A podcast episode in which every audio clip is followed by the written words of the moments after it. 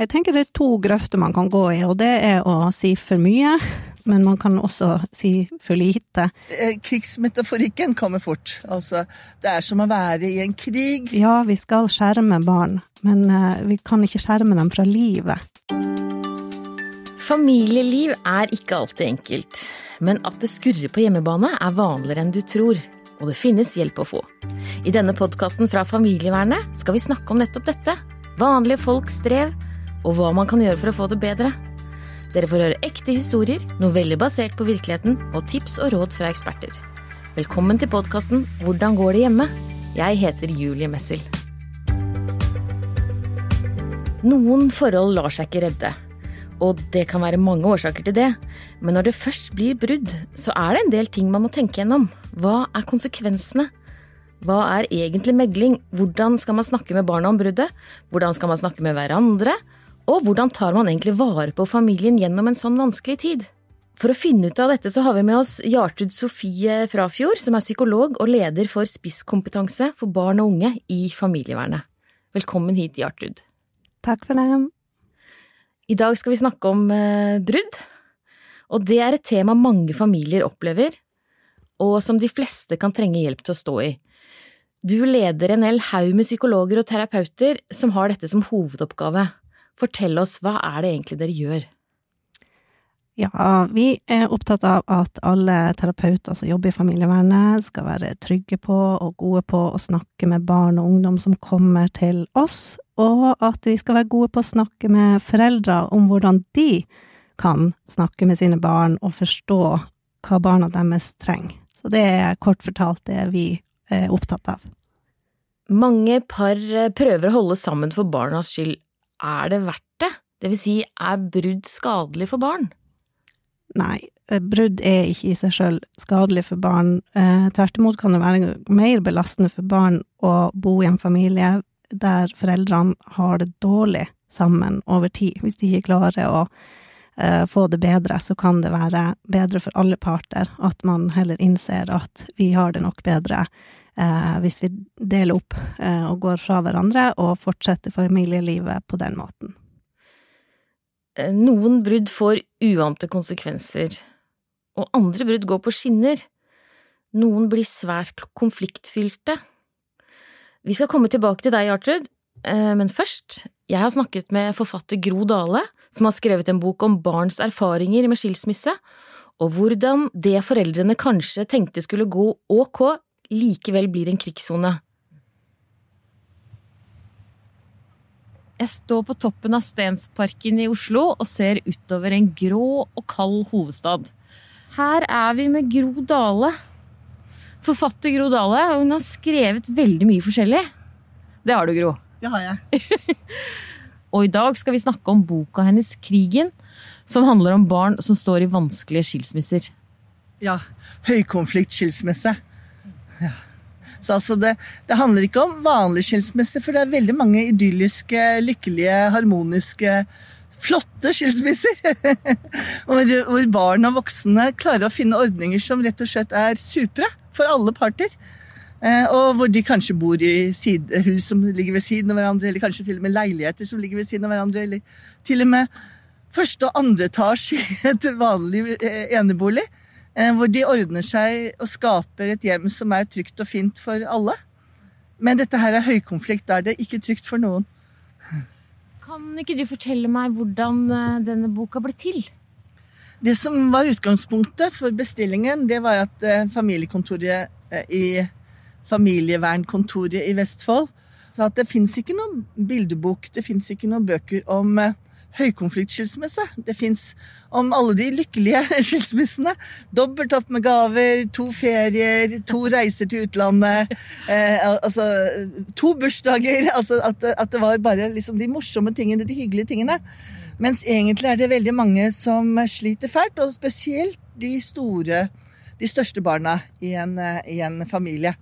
Eh, som tar ansvar for mor, som tar ansvar for far som tar ansvar for småsøsken, og som også tar ansvar for de nye barna som kommer i den nye storfamilien.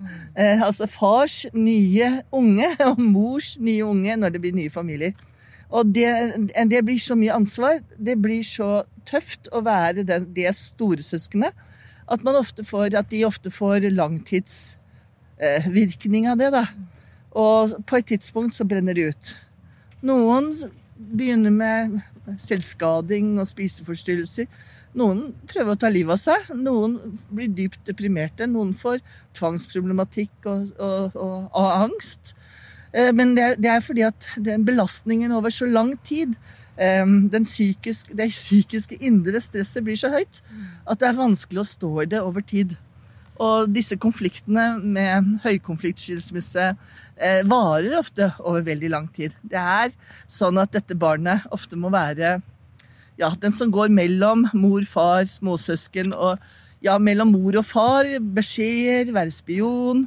Eh, ja, flytte rundt på tinga sine, ikke ha noen Ikke føle at de har noe stabilt hjem lenger, da. Og at de er ute og flyter. Hva hvordan reagerer disse barna? da? Hva sier de? For dette er jo ja. et det, Ja, du kan fortelle. Krigsmetaforikken kommer fort. Altså, det er som å være i en krig. Det er som å være en flyktning. Han mister hjemmet, hjemmet har blitt bomba. Sånne, og så, så, kan det si at i hvert fall de større barna Det er som å bo på Gazastripen. Kan, vet ikke når det blir et nytt angrep. Når som helst kan det komme en bombe. Når som helst kan noen sprenge. Eh, og, leve i den usikkerheten, leve i den uberegnelige eh, hverdagen, eh, gjør det altså som, som, å være et barn i krig. Da. Og det er barna selv som kommer med disse krigsmetaforene som jeg da har brukt i krigen i denne boka, bildeboka. Altså, det er jo en bildebok, det vi snakker om nå, men, ja. men den, det er jo språk også. Hvilken verdi tenker du at det har å bruke språket til dette? Hvordan kan vi liksom hjelpe hverandre med å bruke det? Jo, jeg, jeg tenker at, eh, at, det å snakke om ting, eh, eh, det kan være viktig. Men, men, også det å ha et tredje punkt, som bildeboka kan være. Altså, det handler ikke om barnet. Det handler ikke om foreldrene, men de kan se sammen på et tredje punkt, noe utenfor seg selv. Og i samtalen med familievernkontoret også, så er det ikke terapeuten og barnet det handler om, det er noe utenfor. Og det, den magien med det tredje punktet gjør at kan, de kan snakke uten alle de vanskelige, såre, vonde ladningene som ligger i sin, eh, deres egen opplevelse og familie, om noen utenfor. Og så kan de projisere altså sine opplevelser på denne hovedpersonen, som er da utenfor deres, eh, deres vanlige familieproblematikk. Og det tredje punktet, det å kunne se sammen på noe utenfor seg selv, se sammen på noe utenfor familien, det gjør at det er mye lettere å snakke. Så det er egentlig en sånt um, kognitivt grep, da, kan man si, at, uh, i forhold til å snakke om vanskelige ting. At, man, at, det er mye lettere å snakke om andre enn om seg selv. Og da har de en historie her som de kan snakke om og ta utgangspunkt i. Er Det sånn at eh, det er jo en stund siden denne boka kom. Ja. Har, har du fått noen tilbakemelding på hvordan den blir brukt? Den har blitt brukt veldig mye på skoler. Ja. Det har vært eh, helsesøstre som har hatt samtaler med barn, grupper med barn. Og den har blitt veldig mye brukt som en slags ja, eh, barn i skilsmisse Eh, sammenhenger, hvor de har eh, rett og slett skapt eh, ja, grupper for å kunne snakke om sine hjemmesituasjoner. Både de som har fine skilsmisser, og de som har vonde skilsmisser, og de som er litt et sted midt imellom. Gro, du har sagt veldig mye fint og viktig. Jeg lurte på om du kunne lese litt fra boka di avslutningsvis? Ja. Inga har en mamma fortsatt. Og Inga har en pappa og Inga har en seng her og en seng der, men av og til føles det som om hun ikke har noen, som om hun ikke har noe sted som er sitt. Hun er på besøk hos pappa, på besøk hos mamma, bor midt imellom, bor ingen steder, bor midt i krigen, et hull i verden. Hun prøver å holde det fast, det som var, men det går ikke, for det fins ingenting å holde fast i lenger, fins ingen familie lenger, fins bare løse biter spredt fra hverandre, for alt er knust nå, alt er ruiner, tråkket på, ødelagt, og hun klarer ikke å holde fast noe som helst, selv om armene hennes strekker seg og strekker seg og strekker seg som seigmannarmer uten kraft, for alt er mistet, for alt faller fra hverandre, alt revner. Nei takk, jeg vil ikke ha noe mat, sier Inga, for det er vanskelig å spise, For krigen ligger og eser i kroppen, og Inga er mett og kvalm av krig. Jeg orker ikke, sier Inga. Umulig å få noe ned, vanskelig å svelge, ikke plass til annet i magen enn krigen. Lars spiser, Ola spiser, men Inga spiser ingenting, for når det er krig, blir noen spøkelsestynne, og Inga spiser ikke på én dag, på to dager, på tre dager. Hvis hun ikke spiser, må de kanskje snakke sammen, hvis de bare legger merke til at hun ikke spiser. Da må mamma ta kontakt med pappa, eller pappa ringe til mamma, hvis de bare ser det. Ja, det var eh, sterke greier, Jartrud. Hva tenker du om det vi nettopp hørte nå, og det Gro leste? Nei, det er dessverre gjenkjennelig for noen barn vi møter i familievernet, som opplever at det blir en krigssone å leve eh, mellom foreldrene i lang tid etter et brudd. Men som Gro eh, Dale sier, så er det heldigvis veldig mange som får det Eh, til, og jeg tenker det er viktig å huske at det er ingen foreldre som ønsker dette for sine barn. Eh, og det er heldigvis sånn at det trenger ikke å være en lykkelig, enkel skilsmisse, det er de færreste som får til det. For de aller fleste så er det vanskelig med brudd, og det kan være vanskelig ganske lenge, men det trenger ikke å bli så ille som det her. Og det er jo det jeg tenker som er målet for alle foreldre, og det er målet for oss i familievernet, å hjelpe foreldrene og støtte dem i at det ikke skal bli en krig eh, for barna å leve i. Jeg blir beroliget av at du sier at dette gjelder eh, ikke særlig mange. Men, men eh, du og, og, de du jobber sammen med, har jo eh, kjenner jo til veldig mange familier og barn. Kan du fortelle litt om hvordan barn reagerer? Kan man snakke om typiske reaksjoner som ofte går igjen? Ja, det er det.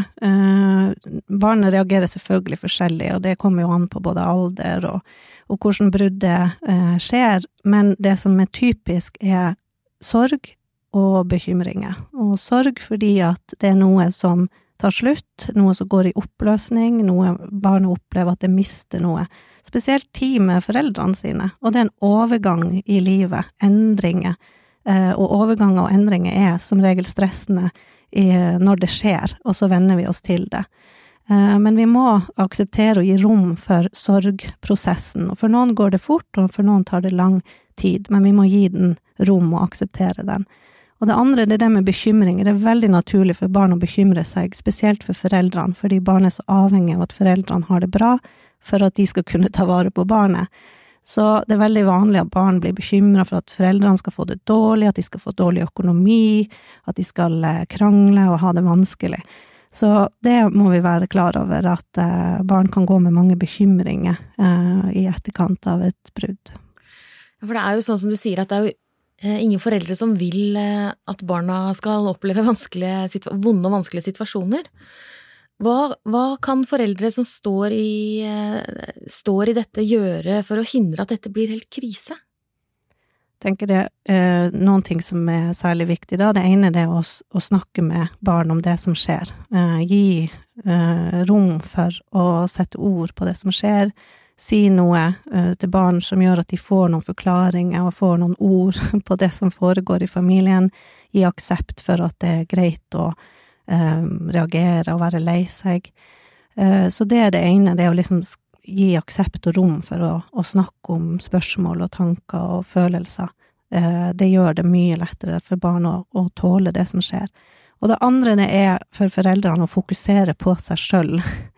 Det er så fort at vi blir mest opptatt av kanskje den eh, ekspartneren og hva han eller hun gjør, men det er, vi må fokusere på det vi kan gjøre noe med, og på vår egen rolle, og sikre at vi klarer å ivareta foreldrerollen eh, sjøl.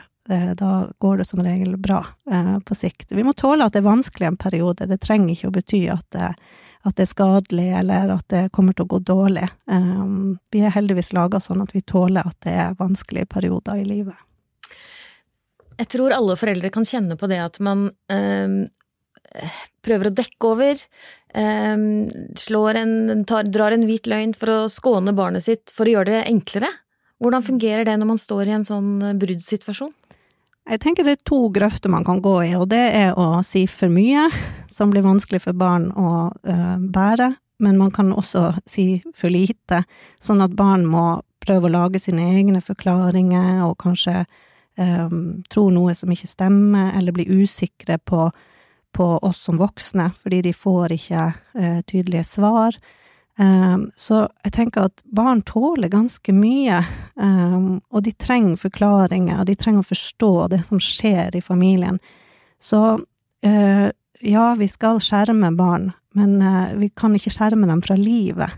Vi må gi dem ord, uh, språk, for også det som er vanskelig, og vise dem at det går an å snakke om, og det går an å håndtere at ting er vanskelig. Da gjør vi barna våre sterkere Eh, for livet er jo sånn for alle i perioder at eh, det er ikke alt som er like enkelt. Nei, det er ikke alt som er like enkelt. Men hvordan kan, hvordan kan man da forberede seg uh, før man snakker med barna om dette?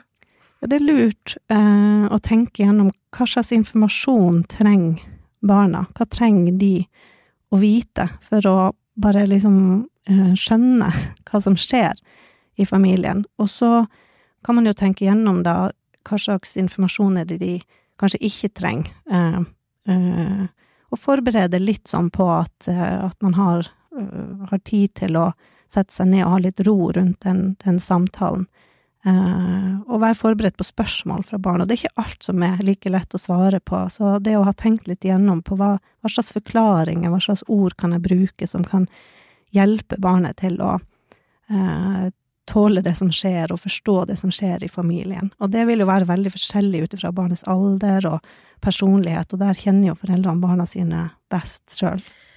Vi har jo vært litt innom det, men jeg lurer på om du kunne utdype litt mer hva eh, familien som en liten enhet opplever eh, når man står i dette bruddet? Du snakka innledningsvis litt om sorg og bekymringer, men, eh, men, er det flere ting du tenker at du kan dele med oss? Ja, for foreldrene er det jo også en sorg og ofte mange bekymringer og omstilling. Og som sagt, omstilling er uh, som regel krevende uh, for alle, også for voksne.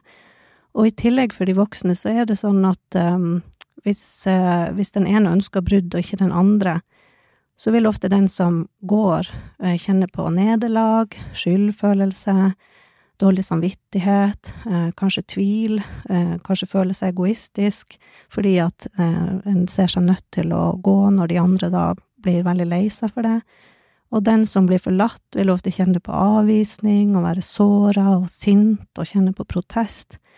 Og så kan jo begge foreldrene være enige om brudd og likevel også kjenne på mye av de her følelsene. Så jeg tror hele spekteret med sinne og sorg og bitterhet og er vanlige følelser for mange i, i bruddet. Så det er, det er, de færreste som syns at eh, brudd er, er enkelt. De, de, de, fleste vi møter, syns det er kanskje det vanskeligste de noen gang har eh, opplevd i livet sitt. Altså, det, det finnes vel like mange typer brudd som det finnes familier. Mm. Um, og som vi hørte Gro Dale snakke om, så, så er jo noen av type høykonflikt, mens andre er jo ikke det. Hva, hva skiller disse? Ja, heldigvis er jo eh, det et mindretall som er det vi omtaler som høykonflikt. Men det som kjennetegner de eh, sakene først og fremst, det er at det er liten tillit mellom foreldrene. At de rett og slett ikke stoler på hverandre. De er usikre, utrygge. Eh, og da er det vanskelig å kommunisere. Og da er det vanskelig å sende barnet sitt til den andre, og det er vanskelig å samarbeide og bli enige om ting fordi det ligger en underliggende utrygghet og mistillit imellom foreldrene. Og så ser vi i mange tilfeller at det kan være ganske sånn eh, ensidig negative oppfatninger av hverandre. Så man har liksom kommet inn i et sånt mønster der man eh, kanskje tolker hverandre i, i, verste mening, og ikke ser helt eh, kanskje at det er den andre, det gode den andre gjør, da. Men det er spesielt det med den mistilliten, og da kan man jo skjønne at det blir vanskelig. Altså, du skal overlate det kjæreste du har til noen du ikke greier å snakke med, eller hver gang vi snakker sammen, så blir det bare eh, krangling, og, og jeg stoler egentlig ikke helt på deg og det du sier. Og det er klart at da blir det vanskelig. Du snakker jo nå om tillit. Mm. Og hva er det viktigste man gjør som forelder når man er kommet dit at bruddet er et faktum, men også når man opplever manglende tillit hos en man har levd sammen med tidligere? Mm. Jeg tenker jo at eh, der har jo begge foreldre et ansvar for å prøve å skape tillit. Eh, og det er jo kanskje lett å tenke at nei, men du må bare stole på meg, hallo. eh, men, men uh, jeg tror det er lurt at, at, begge to tenker at jeg, jeg skal um, nettopp bygge tillit uh, og vise at jeg er til å stole på overfor den andre, sånn at det ikke er så vanskelig å, å, å overlate barnet uh, til meg. Og det innbyr jo til tillit når man er ærlig, når man er åpen. Um, ydmyk, ja, og, og, ikke går til angrep. Det er jo det som fort blir vanskelig hvis begge går i skyttergravene og, og, begynne å angripe hverandre, eller Det er da det, det bryter ned tilliten. Eh, Gjertrud, tida løper eh, fra oss. Eh, vi har jo vært innom både tips og triks, og jeg går ut ifra at du, du anbefaler familievernkontoret som et fint sted å komme når man står i denne situasjonen. Ja, ja, det gjør jeg, og det er jo fordi vi kan skape rom for eh, å få større innsikt og forståelse både i sin egen rolle, foreldrerolle, hvordan man kan ivareta barna, hvordan man kan kommunisere med hverandre, hvordan man kan håndtere de her vanskelige følelsene og leve med de. Og de går ikke nødvendigvis bort, men det går an å finne måter å, å leve med det på, sånn at det ikke trenger å bli så belastende for barn. Og det kan vi snakke om på familievernkontoret. Og det er mye bedre å søke hjelp tidlig enn å eh, komme når eh, ting har fått eskalere over lang tid. Så det anbefaler vi å heller oppsøke hjelp eh, og forebygge. Finne måter for å finne tilbake til det gode livet. Takk skal du ha for at du var med, Gjertrud. I denne episoden har vi snakket om samlivsbrudd og hørt at det i de fleste tilfeller går ganske bra, men at man kanskje må tåle at det er vondt og vanskelig en periode.